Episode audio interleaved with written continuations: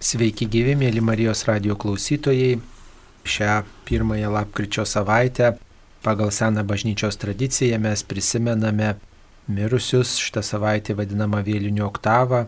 Visas aštuonias dienas melžiamasi už mirusius žmonės, lankomos kapinės ir tikrai mirusiųjų labui galime laimėti visuotinius atlaidus. Beje, šiais metais dėl pandemijos įvairiausių nepatogumų popiežius Pranciškus kviečia ne tik tai vieną savaitę, bet ir visą mėnesį prisiminti mirusius, visą lapkričio mėnesį ir yra ta galimybė aplankius kapines arba bažnyčią laimėti visuotinius atlaidus mirusiųjų intenciją. Svarbu tik tai artimiausių laikų priimti komuniją, jeigu reikia atlikti išpažinti ir taip pat pasimelsti šventojo tėvo intenciją už tai, kas rūpi popiežiui. Ir aišku, lankant mirusių kapus, arba prie bažnyčios aplankant palaidotų mirusiųjų žmonių kapus, bent mintimis pasimelsti už pirmą mūsų iškeliavusiuosius žmonės. Šioje laidoje taip pat šmėžuos mirties tema, tai yra visiems mums tokia bauginanti patirtis. Šioje laidoje kalbėsime su tikybos mokytoja Valdareza Šalemorienė apie tai, kaip vaikams skelbti žinę apie mirtį. Garbėzu Kristui per amžius amen. Ačiū, mėla Valdareza, kad sutikote dalyvauti šioje laidoje ir pasidalinti mintimis apie tai, kaip su vaikais reikėtų kalbėti apie mirtį. Ar dažnai tekdavo jums štai tikybos pamokose ar kokiomis kitomis progomis su vaikais kalbėti apie mirtį?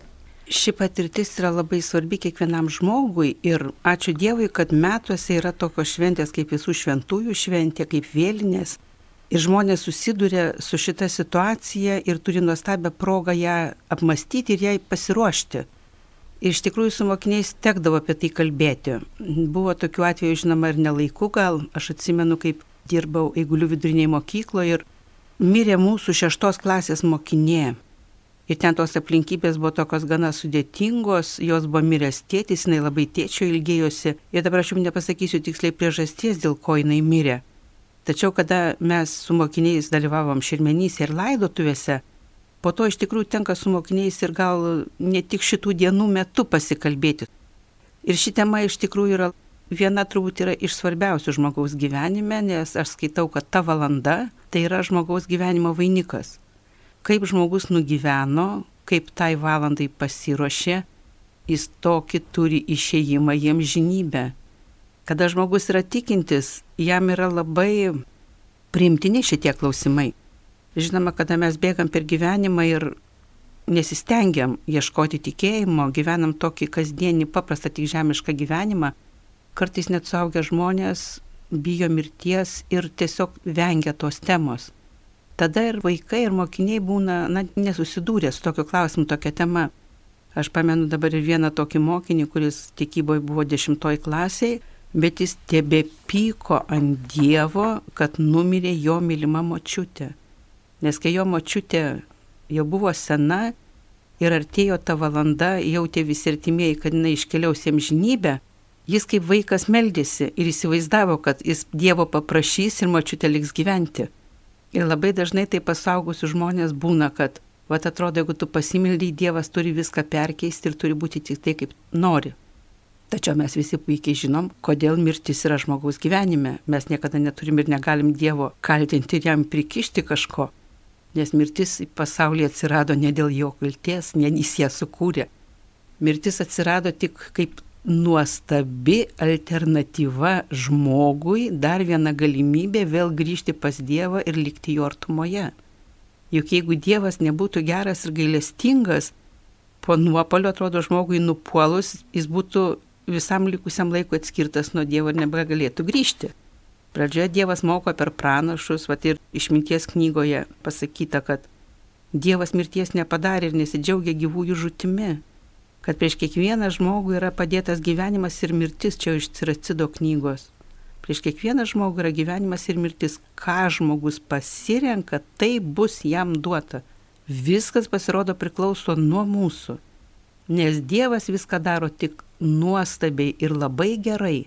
Jeigu mes tam atsiliepiam ir tai, kas yra Dievo duota gera, mes palaikome, Mes turime tą gyvenimo pilnatvę jau čia pasaulyje. Kai buvau maža, aš nepamenu, kad su manim kas būtų kalbėjęs apie mirtį ir tiesiog supažindinę su tuo, kad tai nėra siaubas, kad tai nėra tai, ko galima išvengti. Mes labai skirtingi ir labai nuostabus, bet va šituo klausimu mes esame visi vienodi. Visus mus jinai paliečia.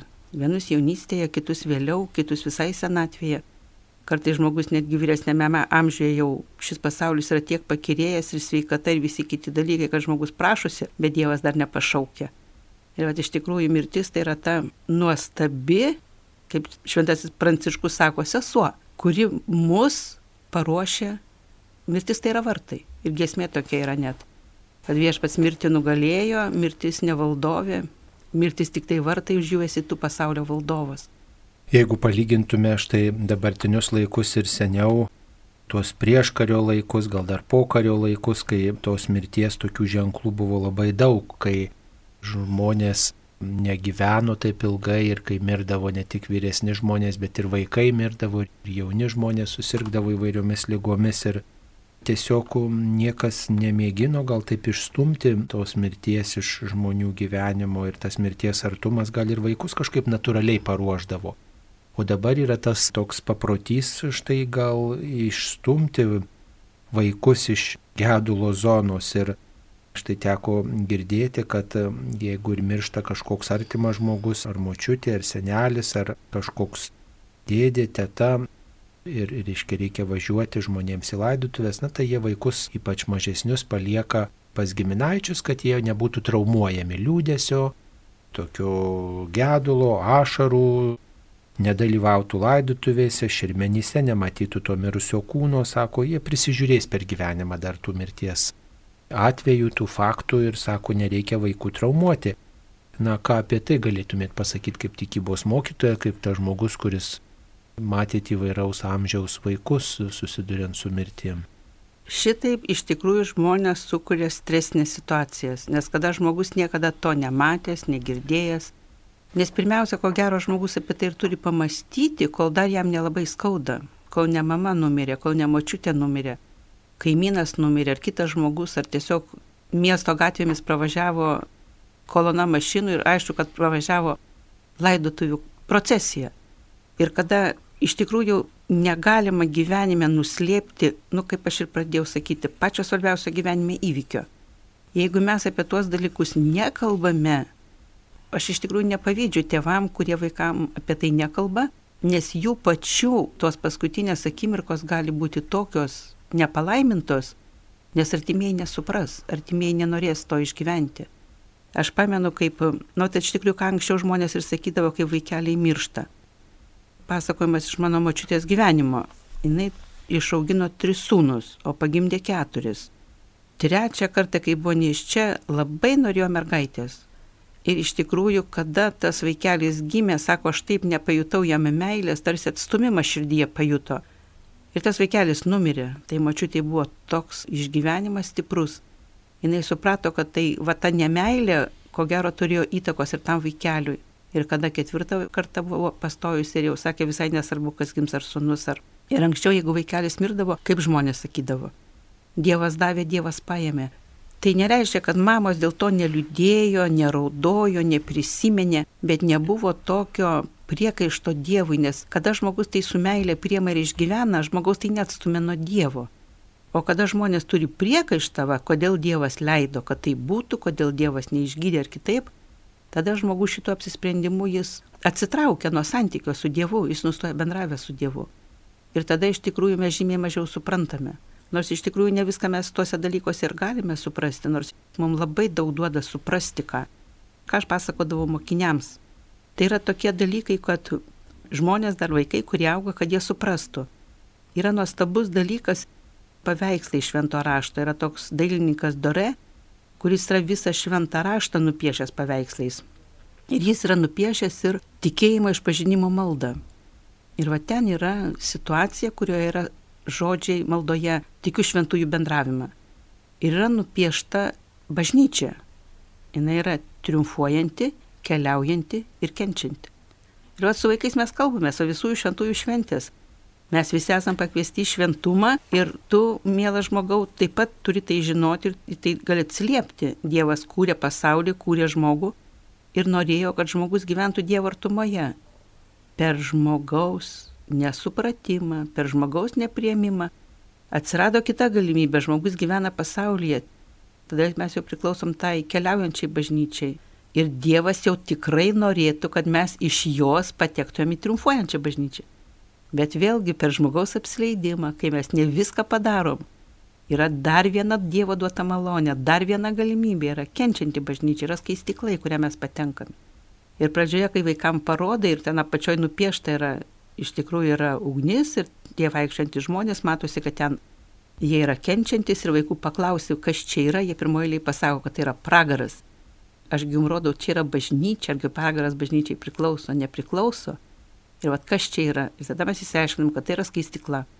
Ir tada iš tikrųjų vėl yra tie akcentai, ką aš galiu daryti, kad aš į skaistiklą nepapliūčiau. Va tai ir yra visas tikybos mokymas, tai yra bažnyčios mokymas, tie turtai, kurie yra žmogui palikti, bažnyčia juos saugoja, kad teisingai perduotų. Bažnyčia nieko netrokšta iš mūsų atimti, tik duoda tuos visus Dievo turtus, kad mes priimtumėm, pažintumėm ir jais naudotumėmės.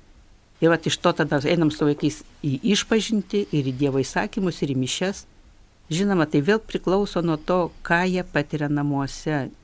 Iš tikrųjų, dažnai labai pamokose daug ką išgirsta, bet kada tėveliai nepraktikuoja, kažkuriam laikui lieka tik tas vat, išgirdimo momentas. Gal po kiek metų gyvenime jie pasinaudos tuo, aš tikiuosi tuo.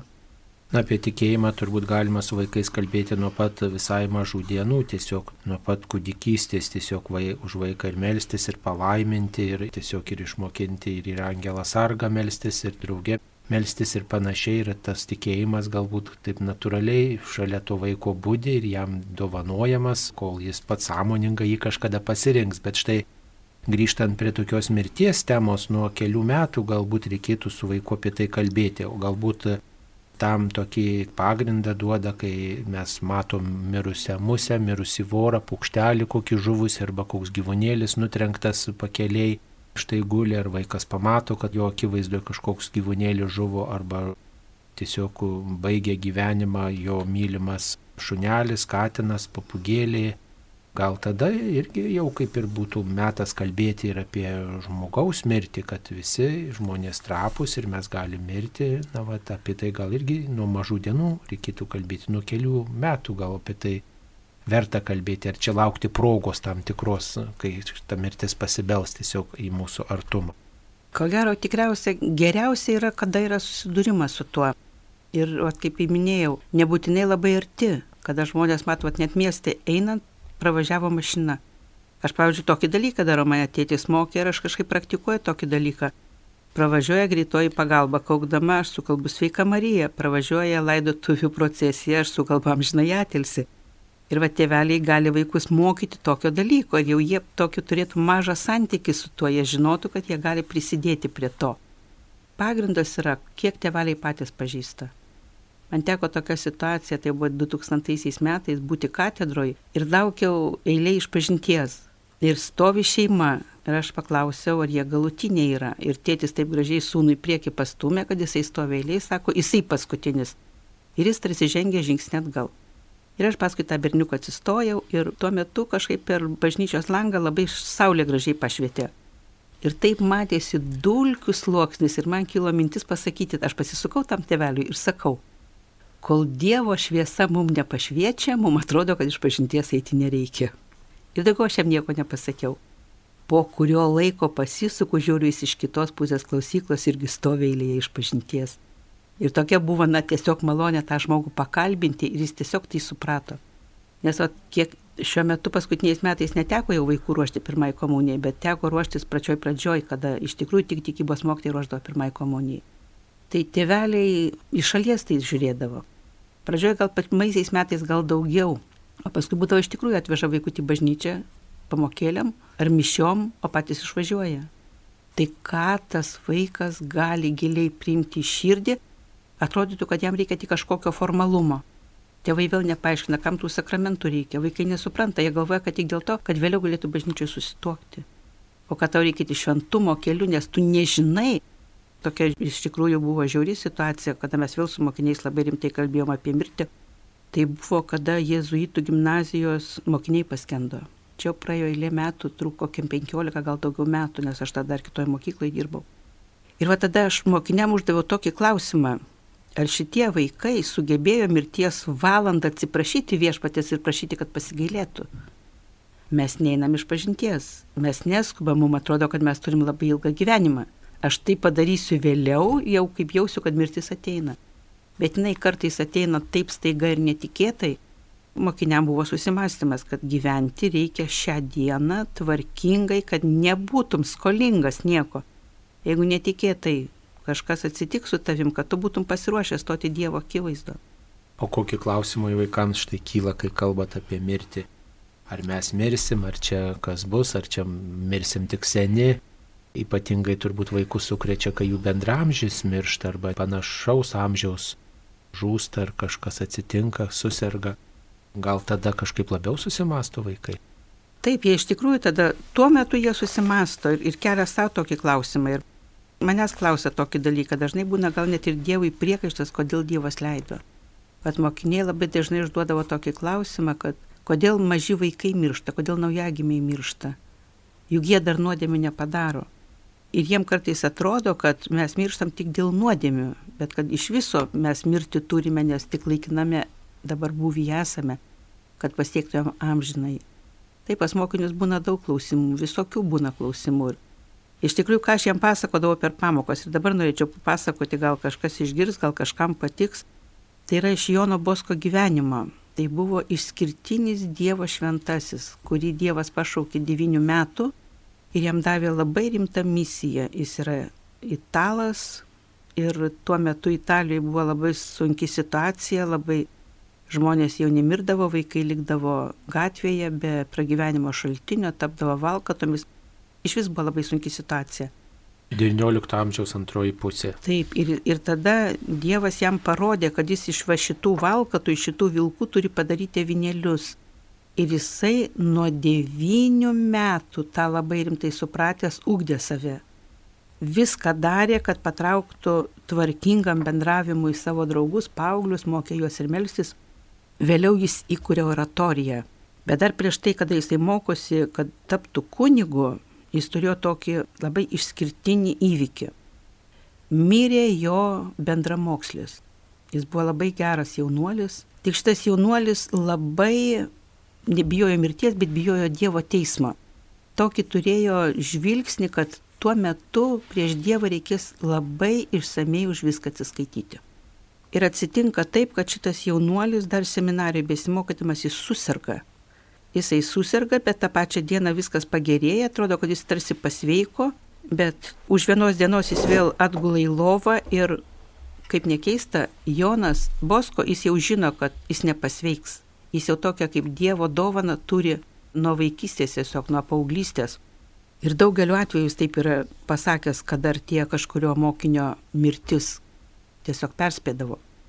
Ir šitas jaunuolis jau artėjant mirčiai tiesiog netenka sąmonės ir po kurio laiko, kada jis vėl atsipeikėja, jis visas švyti. Ir Jonui keistai jo klausia, Aloizai, kas atsitiko, tu ką tik buvai baimė sukaustytas. Ir jis apsidairęs, tarsi kad nuodinį pašaliniai negirdėtų, ar jau tada, kai parašyta, kad gana silpnų balsų jis papasakoja, kad jis atsidūrė tamsiame slėnyje, kurį jam reikia praeiti. Ir yra va šit ta situacija, kur piktosios dvasios dar gali būti veikimas, kuris žmogui trukdo. Tačiau čia pat atsiranda Dievo motina, kuri paima jį už rankos ir pasako, tu pasaulyje rūpinaisi mano garbe. Ir jinai praveda jį pro tuos visus baisumus, kurie jam gali pakengti, nes Marija yra nuodėmės tepalitėtoji. Jinai praeina ir piktoji dvasia nebegali kenkti ir nuveda jį į labai gražų sodą, ir pasako, jam belieka tik lipti Marijos kopečiomis, jisai pamato labai gražų gėlyną. Marija pasako, kad tos gėlės yra angelų pasodintos ir jos jau pina garbės vainiką, kuris bus uždėtas jam. Po to iš tikrųjų dar vyksta tokie dalykai, kad jau po mirties jo jį praeinantį pamato kiti seminaristai, dar nežinodami, kad jis jau yra miręs. Ir toks vat santykis su mirtimi ir tada Jonas Boskas dar liūdė, kad tuo metu jis gana, nu, nemažą išgasti turėjo pirmą kartą su tuo susidūręs. O kitą kartą, vat, kas labai nuostabiai apie mirtį pasako, Jonas Bosko yra prikėlęs berniuką iš numirusių. Jėzaus pažadai pildėsi jame, nes šitas žmogus, nežinau kiek, tūkstantį procentų save buvo atidavęs Dievui. Ką Dievas troško, tą Jonas kaip žmogus darė viską, kad vienybėje su angelais ir šventąją dvasiai gyvendintų pasaulyje. Jis jau buvo kunigu, turėjo tą oratoriją, kurioje ūkdė jaunuolius. Ir kartais buvo išvykęs. Dabar aš jau neatsimenu, kiek laiko jo nebuvo, Bet kaip jisai grįžo, jam pasakė, kad iš vieno mokinio namų jo buvo net tris kartus atėję ieškoti. Ir jam tada pasidarė labai smalsu, kas atsitiko, ir jis nueina į tuos namus, ir jisai savo mokinį, Karolį, randa jau pašarvotą, berniukas yra miręs. Prie jo rauda mama ir teta, jis kurį laiką pasimeldęs paprašo, kad jos išeitų. Ir po to pusantros valandos pasimeldęs jisai pasako, Karolį, kelkis, ir berniukas atsisėda karste. Jis be galo apsidžiaugia pamatęs kunigą ir paaiškina, kodėl. Jis vėlgi buvo tame pačiame mirties lėnyje, kurį jam reikia praeiti ir gana išgyveno didelį siaubą, bet ten buvo irgi Dievo motina, kuri piktąją dvasę sudraudė ir pasakė, jis dar nenuteistas. Tarsi, na, Dievas žinojo, kad jam bus suteikta dar va šita galimybė ir berniukas paaiškina priežastį, kodėl per paskutinę išpažinti jis nuslėpė kai ką, neišpažino. Tai reiškia, paskutinė jo išpažintis buvo šventvagiška ir jam nenaudinga. Ir jis tada labai labai prašė kuniga, kad kunigas kalbėtų savo mokiniam, kad jie per išpažinti išpažintų viską, neslėptų nei vienos nuodėmės, nes per ją lieka piktosios dvasios veikimas. Žinoma, sakytumėm, iš kur ta situacija žinoma. Aš tik ir pasakoju iš Jono Bosko gyvenimo, nes jis yra paskelbtas šventuoju. Ir tas, kas yra parašyta apie jo gyvenimą, yra, kaip sakyt, bažnyčios tikrinta ir tikrai liudininkų paliudyta. Ir mama su teta belaukdamos išgirdogi karolį kalbantį. Ir jos gipuolė į vidų. Buvo galima pagalvoti, gal berniukas nebuvo miręs, bet iš tikrųjų kaip sako, karsteliai jisai sėdėjo visas baltas, baltas, tarsi va, tik dvasia buvo grįžusi, bet ta gyvybė tokia buvo silpna. Jau buvo paklausta, jam buvo leista. Kunigas Jonas Bosko jo paklausė, Karoli, gal tu nori, aš melsiu Dievą, kad nu tu liktum šiame pasaulyje. Tačiau berniukas rėgėjęs Dievo motiną pasirinko iškeliauti. Nu ir kaip sako, mama irgi buvo tikinti, jai tai nebuvo siaubas mama kaip ir žmogus turėjo džiaugtis, kad vaikas su Dievo motinos pagalba iškeliauja į amžinybę. Nors jis yra nedidelis, nesuaugęs, dar apsaugusio žmogaus gyvenimą negyveno, bet jis jau laimėjo dangų. Ir va, kaip pasakoju vaikam, tai juk tokie dalykai vyksta ir dabar pasaulyje. Gal mes ne visus sužinome, bet jeigu Dievas tais laikais buvo nuostabus ir gailestingas, juk toks jis yra dar ir dabar. Aš sakyčiau, kad šiais laikais Dievas duoda dar daugiau, nes dabar jau Dievo gailestingumo turtai pasaulyje yra atskleisti. Na tai tokios istorijos jos liūdė, kad žmonės turėjo tikėjimą. Štai minėjot, kad motina džiaugiasi, jog jo sunus susitiks su Dievo motina ir iškiai ir melžiasi prie sunaus kapo, prie sunaus karsto. Tačiau dažnai turbūt žmonės net ir tikintis kažkaip tą prisikėlimo perspektyvą turbūt kažkaip e, nustumė į šalį ir puošia tą mirtį, puošia tą, reiškia, laidojimo vietą, kapą, puošia šarvojimo vietą, puošia karstą. Nu, tas toks mirties tam tikras estetizavimas yra ir galbūt, na, žmonės į tokią išorę sudeda daugą, kad turi gražiai viskas atrodyti ir kad, reiškia, čia mirtis, na tai kažkas tokio, kas skausminga, bet mes ją išpuošim ir to skausmo tarsi nematysime. Ir, na, malda tiesiog, ką jau ten kalbėti apie vaikų dalyvavimą, vaikų prijaukinimą, tiesiog yra kažkur tarsi fone, toliau nuo to paties mirties fakto. Taip, šios dienos parodė, kiek žmonės išneša nupirkę į kapus jam papuošti, kiek paskui tonų išveža Ir va šios dienos, kada mes išgyvenam pandemiją ir atrodo iš tikrųjų naudingiau yra išlaikyti atstumą, žmonėm vienodai rodo, atrodo, atėjo ta diena kaip, nu, kažkoks prietaras, kad va, būtinai tik tą dieną. Juk ne tik ta diena yra šventa ir palaiminta. Gerai, mes švenčiam, jinai mums primena tą viską, bet mes galim visą mėnesį lankyti kapus, vad kaip dabar popiežius ir sako. Man teko dalyvauti laidotuvėse, kur buvo labai daug vaikų. Tai buvo tokios tikrai palaimintosios mirtis. Jis buvo krikščioniško gyvenimo bendruomenės narė, jinai buvo gydytoja, gynekologija, jinai kovojo labai už vaikelių išsaugojimą ir jų ateimą į pasaulį ir pati jinai mirė nuo vėžio Jis buvo pašarvota palaiminto Jurgio Matulaičio parapijos koplyčioje ir ten vyko tikrai šventosios išlydėjimas į dangų. Ten nebuvo graudulio, ten nebuvo liūdėsio, ten gyvųjų akmenų bendruomenės žmonės gėdojo ir šlovino Dievą. Ir žinot, aš pabuvus šituose šilminyse, dabar svajoju, kad kai aš numirsiu, Dieve duo, kad turėčiau irgi tokių bičiulių, kad jie šalia mano kūno galėtų šlovinti Dievą. Dar labai kas svarbu yra tai mirus artimam žmogui, tiesiog Jėzaus akivaizdoje to žmogaus atsiprašyti ir jam atleisti. Tai yra labai svarbu, kad iš tikrųjų tai, kas buvo negerai, būtų nuvalyta ir mums niekada daugiau nebereikėtų žmogaus, na, kažkokių dalykų prisiminti. Mes kartai žodžiais tai pasakom, kad, nu, žmogus numirė, nieko nereikia blogo prisiminti, bet jeigu to maldoje neįvardini, kartais tie dalykai sugrįžta ir žmonės apie tai masto. O tai nėra gerai. Dar toks yra labai svarbus dalykas ir kaip ir testamentas. Ar tai, kad žmonės vyresnio amžiaus jau, kurie artėja mirtis, kad artimieji bijo kunigą atvesti. Tai irgi yra nelaimė. Palieka žmogų, va, kaip dabar aš irgi pasakoju, ir Aloizo gyvenimą, ir, ir Karolio gyvenimą. Jie nesuteikia galimybę žmogui į amžinybę pereiti palaimintam, paruošti. Kartais iš tikrųjų žmogus gal pats nėra ir tikintis, bet kada yra galimybė pakviesti kunigą ir žmogų išlydėti atiduoti į Dievo rankas, padarius geriausio, ką tik gali. Bet tai yra nuostabi dovana žmogui. Būtų labai gerai, jeigu žmonės to nebijotų ir tą darytų. Na čia pirmiausia reikia turėti tokį tikėjimo, tą tokį prieimimą, tikėjimo tą dovaną ir, ir norėti to tikėjimo ir savo linkėti ir taip pat kitiems žmonėms, ypač tiems, kurie sunkiai serga. Na, o kaip vaikus paruošti šermenims, paruošti laidotuvėms, turbūt vis tiek reikia iš anksto su vaikais, aišku, atsižvelgiant į vaiko amžių, kalbėti, kad štai vat, bus žmonių apsirengusių tamsiais rūbais, gal ir verkiančių, liūdinčių. Reiškia, matysit ir mirusi žmogų, kuris galbūt, na, vat, atrodys gal kažkaip toks kaip suvargęs ar lygos iškankintas, užsimerkęs.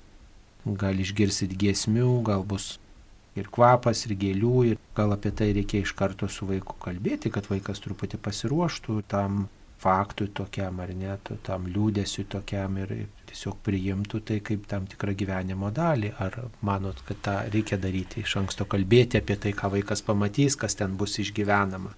Ko gero kalbėti reikia ir labai priklauso nuo to, koks santykis yra su tuo žmogum.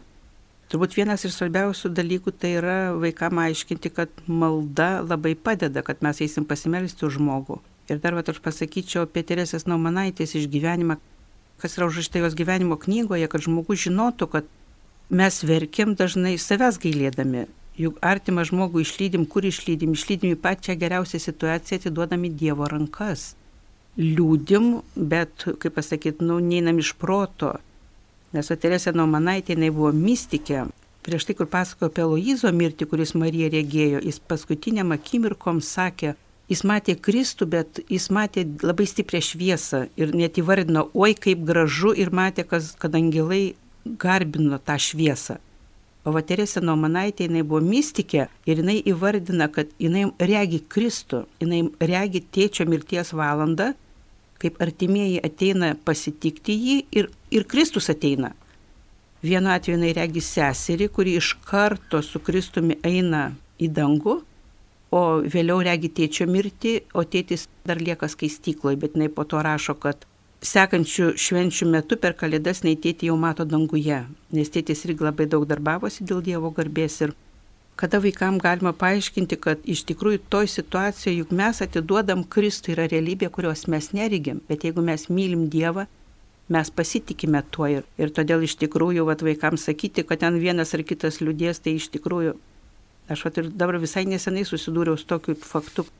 Numirė mano kaiminė, o jinai buvo labai gera mano bičiulė. Ir po šermenų aš grįžtų namo ir tokia mintis. Va, aš daugiau jos nebepamatysiu. palaukti, čiagi ne mano mintis, čia yra šetono mintis, kad man tiesiog mane sugraudinti ir va tokį graudulį vesti. Aš kaip tik pakeičiau savo mąstymą ir galvoju, va čia jinai praėjo, čia mes su ją draugavom. Ir dabar tokį iš vis įprotį pradėjau praktikuoti, kad einu pro numirusio žmogaus namus, kurį pažinojau, ir sukalbu maldą amžinai atilsi.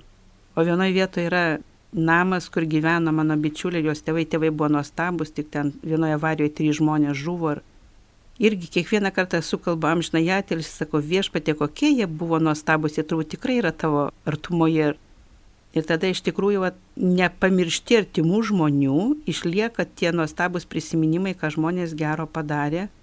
Ir ta mirtis tampa, na, jinai visai kitokia tampa. Žmonės bijo dabar, pavyzdžiui, ir laikosi madų, visi pradeda kremuotis.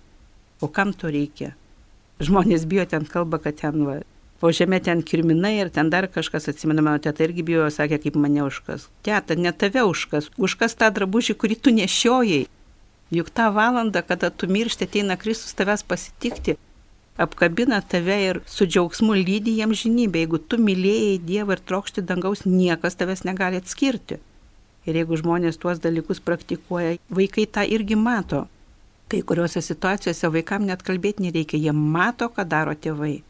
Vaikai supranta daugiau negu kad kartais atrodo suaugusiems. Taip, Nes vaiko dar niekas per didelę nuodėmę neatskyrė nuo Dievo, jie kartais iš tikrųjų suaugę nenori to galvoti, nes piktoji dvasia veikia mūsų gyvenime, jinai nenori, kad mes būtumėm pasiruošę.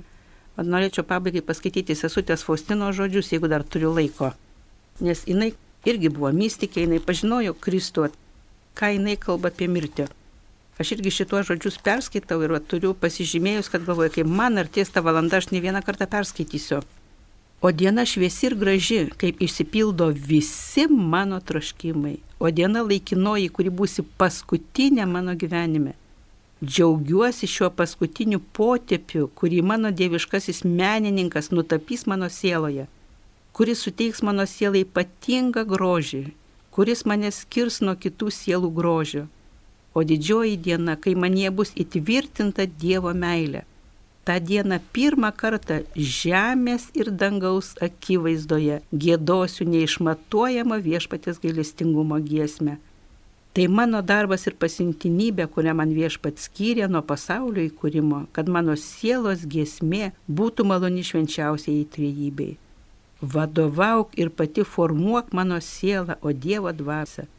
Apsiginkluoju kantrybę ir laukiu tavo ateimo gailestingasis Dieve O baisus skausmas ir agonijos baimė šią akimirką labiau negu bet kada pasitikiu tavo gailestingumo bedugne ir primenu tau gailestingasis Jėzau, mielas išgelbėtojau, visus tavo pažadus, kuriuos man davėjai. O viešpatės pažadai, vadovai, pavyzdžiui, yra paskutiniu metu kokie nuostabus. Jeigu mes melžiamės gailestingumo vainikėlį prie mirštančiojo, Dievas stovi ne kaip teisėjas, bet kaip gelbėtojas. Mes tiek turime malonių šiuo metu. Iš tikrųjų, žmogui nieko nebetrūksta. Belieka tik tuos lobius pažinti, priimti ir jais naudotis.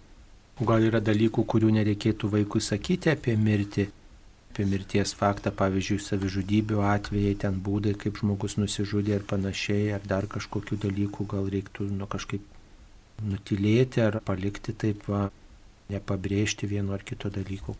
Yra dalykų, nuo kurių bandom vaikus apsaugoti, bet jie tuos dalykus išgirsta ir išgirsta nebe iš tėvų. Ir tada, ko gero, būna gal dar blogiau.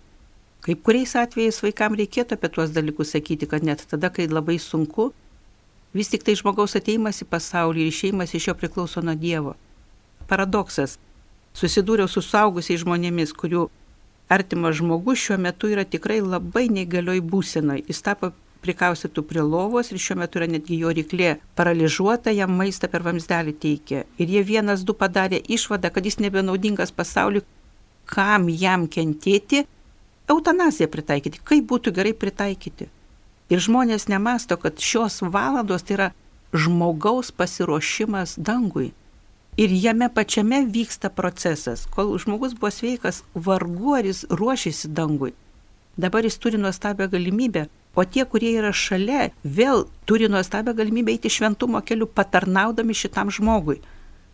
Vat ką šiandien pasaulis ypatingai blogai daro, tai apsprendžia, kad žmogus numirė, sako per anksti, oi, kodėl taip atsitiko. Arba tai jeigu žmogus tapo negaliu, kam jam kankintis? Jie nesupranta, kad išstumę į anapus, jie iš tikrųjų į dar didesnę kančią žmogų išstumtų. Tai sudėtingas klausimas ir iš tikrųjų labai gera, kai žmonės lanko maldos grupelės, kurie gali apsitarti, kada jiem kyla klausimų. Pat yra Marijos radio klaus drąsiai laida, kada vieni ir kiti klausimai kyla, kur galima pasiskambinti, pasiklausti ir pačiam įgyti nuostabę pažinimo situaciją, kad galėtų dalintis, nes iš tikrųjų kuo anksčiau žmogus tuos dalykus teisingai supranta, tuo yra lengviau. Kada pažįsti, kad tai yra Dievo meilės akimirka, kurios Dievas laukia nuo amžių susitikti su tavimi, o tu jam jį ruošiesi. Reiškia, žmogus ir gyvena, tada ko gero tų stresų ir depresijų mažiau būtų, kodėl šiandien depresijom žmonės serga nebeturi gyvenimo tikslo, nebežino, kaip jo siekti, nebežino, ką daryti, kada yra blogai, kad yra išpažintis galimybė, yra malda, prašymas, kad kitas už tave pasimelstų. Ir tiesiog mokėjimas su Jėzumi pereiti per tas situacijas ir dėl to kartais žmonės vargsta. Vargsta žmonės patys, bet jie kartais tą vargą suprasdami nenori, kad vargtų jų vaikai, dėl to jie nenori vaikam duoti ir darbo, ir dėl to ir slepia ir tas mirties aplinkybės, ir visus laidotuvių tos sunkumus ir, ir tuos išgyvenimus, tiesiog nenori vaikų apkrauti tais išgyvenimais, nori, kad vaikai laimingi gyventų tam pasauliu, kur nėra blogio. Bet kai kurie žmonės sako, jog reikėtų vaikus neizoliuoti nuo tų skaudžių išgyvenimų, bet juos įtraukti kaip talkininkus savotiškai šeimos narius ir tokiu būdu parodyti jiems ir meilę ir kartu padėti jiems išgyventi gedulą. Pavyzdžiui, įtraukti juos į tam tikrą laidotuvių organizavimą. Štai pavyzdžiui, kai kuriuose šeimose ten vyresni vaikai priima štai atvažiavusius giminės ir jiems patikima tuos žmonės užimti, kol ten vyresnėji ar ruošis ar panašiai, pasiūlyti jiem arbatos ir patarnauti jiems. Arba, pavyzdžiui, namus sutvarkyti, nežino, kad atvažiuos giminių į laidotuvės ir aplankys juos namuose ar panašiai. Ir ten, pavyzdžiui, vaikams siūloma tikrai nupiešti kažką, ką norėtų padovanoti savo seneliui mirusią mane ir tada tą piešinį deda į karstą kaip pat anūko vaikaičio tam tikrą tokį ženklą. Na visą tai padeda kažkaip vaikams ir tą gedulą išgyventi ir priimti tą mirtį kaip neišvengiamą mūsų gyvenimo dalį ir tarsi su jie susidraugauti. Ar tokiu atveju esat girdėjus? Tai iš tikrųjų ir būtų meilės išraiška artimam žmogui. Nes iš tikrųjų be vargo gyvenimo prasmės nebūna. Ten, kur mes tengiamės vaikus apsaugoti nuo kažko, kol jie to nepatiria. Net ir pati kančia, kada mes tengiamės nuo jos pabėgti, nes kančia žmogų nuskaistina. O iš tikrųjų toks įtraukimas, kiek va teko dalyvauti laidotuvėse, tai va, artimieji tai ir daro. Jie rūpinasi, kad atėjusi žmogų duoti arbatos, atsigerti, kaip jūs ir įvardinot, va tas ir yra dalyvavimas procese. Labai geras dalykas dar yra artimam žmogui mirus ir nuotraukas jų peržiūrėjus, prisiminus, ką gero tas žmogus padarė. Paprastai net ir per laidotuvės teko matyti, kad senelio ar kokio giminaičio nuotrauką šalia kryžiaus neša būtent vaikai, jauniausi laidotuvių dalyviai. Ir tokiu būdu, nu, tarsi ir vaikui patikima misija tame palydėjime. Žmogaus vaikas neišstumiamas, nesijaučia nesvarbus, nereikšmingas, bet jis jaučiasi šito pasaulio ir tų emocijų, tų išgyvenimų dalyvis. Taip, jis dalyvauja tame ir jo širdie lieka visam gyvenimui prisiminimas tas dalyvavimas. Jisai gal žodžiai istoriniai vardintų, bet širdie tai išlieka. Kartai žmonės dabar dar padaro netgi tokį, kaip filmą parodo iš žmogaus gyvenimo iš nuotraukų sudeda. Ir tada žmonės mato ir prisimena. Prisimenu net ir kaip Jono Poliaus antrojo laidotuvės buvo. Jeigu sustingti tik ties laidotuvėmis, tai graudulys, skaudus, skausmas, supranti, tai buvo šventas Dievo žmogus, bet jis iškeliavo ir toks iš tikrųjų liūdėsys didelis. Bet kada Atlenkai dvi savaitės rodė filmus apie jo kelionės pasaulį, apie jaunimo dieną, susitikimus, parodo, kad vis tik tai tas iškeliavimas yra žmogaus gyvenimo vainikas. Bet matot, turbūt dar reiktų pabrėžti, kad tai neturėtų pakeisti nei mūsų maldos tokio gyvenimo užmirusi, kad mes nesusitelktume ir tuos turbūt jaunus žmonės ir ypač vaikus ne į tokius išorinius ženklus. Štai pavyzdžiui, kapinėse turbūt vaikams patinka lankytis ir ten uždegti žvakutę galbūt. O vis dėlto reikėtų prie to žvakutės uždegimo pridėti būtinai ir, reiškia, tokį maldos kokį sakinėlį, kad kartu su tais vaikais pasimelstume, paaiškintume, ką ta žvakutė reiškia ir kad tas filmo sukūrimas nebūtų tik tai per laidutuvės ar ten kokią kitą progą nebūtų tik tai toks prisiminimas praeities, bet kažkaip ir kažkokį tiltą lieptą tėvai, ypač tikintys tėvai, vat, parodytų į tą amžinybę. Na, nu, aišku, netikinčiam žmogui tai tik tai praeitis, bet tikinčiam tai yra gyvenimo dalis. Ir vaikams turbūt tuos išorinius ženklus turbūt labai svarbu mokyti vaikus susijęti su, ką jie reiškia, susijęti su ne tik tai su praeitim, su, su žmogaus gyvenimu, bet taip pat ir su tikėjimu, kad visi tie išoriniai ženklai, kuriuos mes parodom, mirties akivaizdu, jie turi tokią gilesnę prasme, kad vaikus truputį mokyti tokio vidujiškumo. Jūs teisus. Ir tai priklauso nuo kiekvienos šeimos, kiek žmonės sugeba tą padaryti. Nes kažkokiu kanonu ar aprašymu tokių, kaip žmonėm laikytis, juk nėra.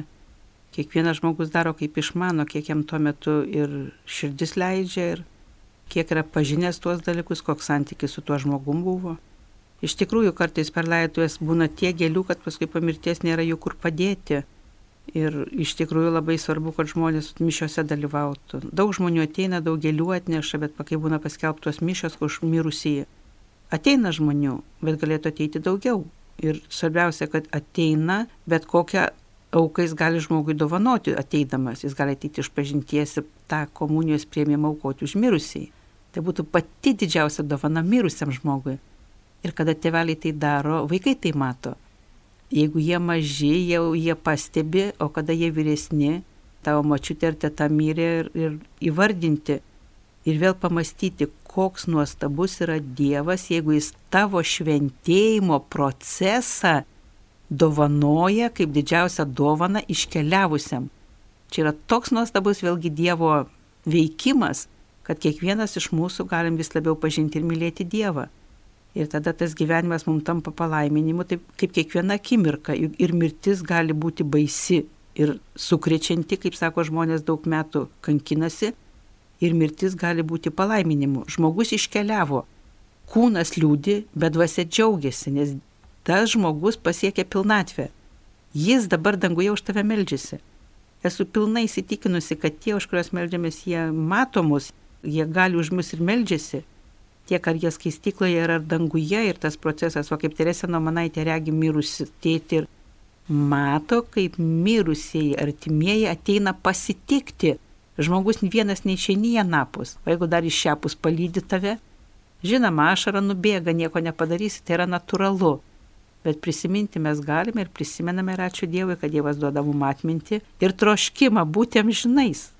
Mėly Marijos radio klausytojai, šioje laidoje su tikybos mokytoja Valdareza Šalemorienė kalbėjomės apie mirtį kaip apie tam tikrą mūsų gyvenimo dalį, apie kurią kalbėti ir į kurią įvesti taip pat reikia ir vaikus, nes vaikai taip pat yra mūsų gyvenimo dalininkai ir juos ignoruoti nuo šios temos būtų tikrai tų vaikų apiplėšimas. Taigi, kaip ir nepaliekam vaikų be svarbiausių dalykų, juos apdovanojam pažinimu tų svarbiausių dalykų, išmokom elgtis su svarbiausiais dalykais, taip pat reikėtų nepalikti ir be mirties pažinimo, kad vaikai ruoštųsi šiai patirčiai visą gyvenimą ir išmoktų išmintingai ją priimti, nes nieko gyvenime nevyksta savaime. Mėly Marijos radio klausytojai, Valdareza Šalemorienė, šioje laidoje kalbino aš kunigas Saulis Bužauskas. Taigi nepalikime be dėmesio pačių svarbiausių dalykų mūsų gyvenime. Ačiū, sudė. Palaiminto laiko visiems.